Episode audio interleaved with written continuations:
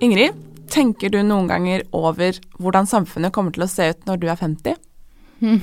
Må nok innrømme at det er ikke noe jeg går rundt og tenker på daglig.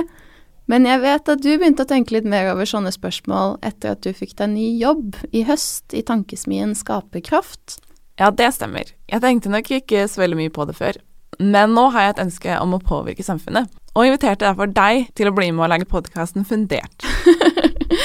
ja, veldig god tanke. Må nok skuffe deg å si at ikke jeg heller, som storesøster, kan nok om den type spørsmål. Så vi må nok få med oss noen som kan litt mer. Og derfor inviterer vi med oss en person til hver uke, som kan litt mer om ulike spesifikke temaer. Vi skal fundere over ting som engasjerer oss, og forhåpentligvis også alle andre. Jeg kjører på si et helt eh, personlig prosjekt, hvor jeg skal bli et litt mer opplyst menneske, er planen.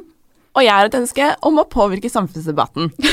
ja, så da har vi et godt eh, balanseforhold i ambisjonene for denne podkasten. Så hvis du bl.a. vil høre om Ingrid kommer til å bære mine barn når hun er 30, så bør du trykke følg og lytte til første pod.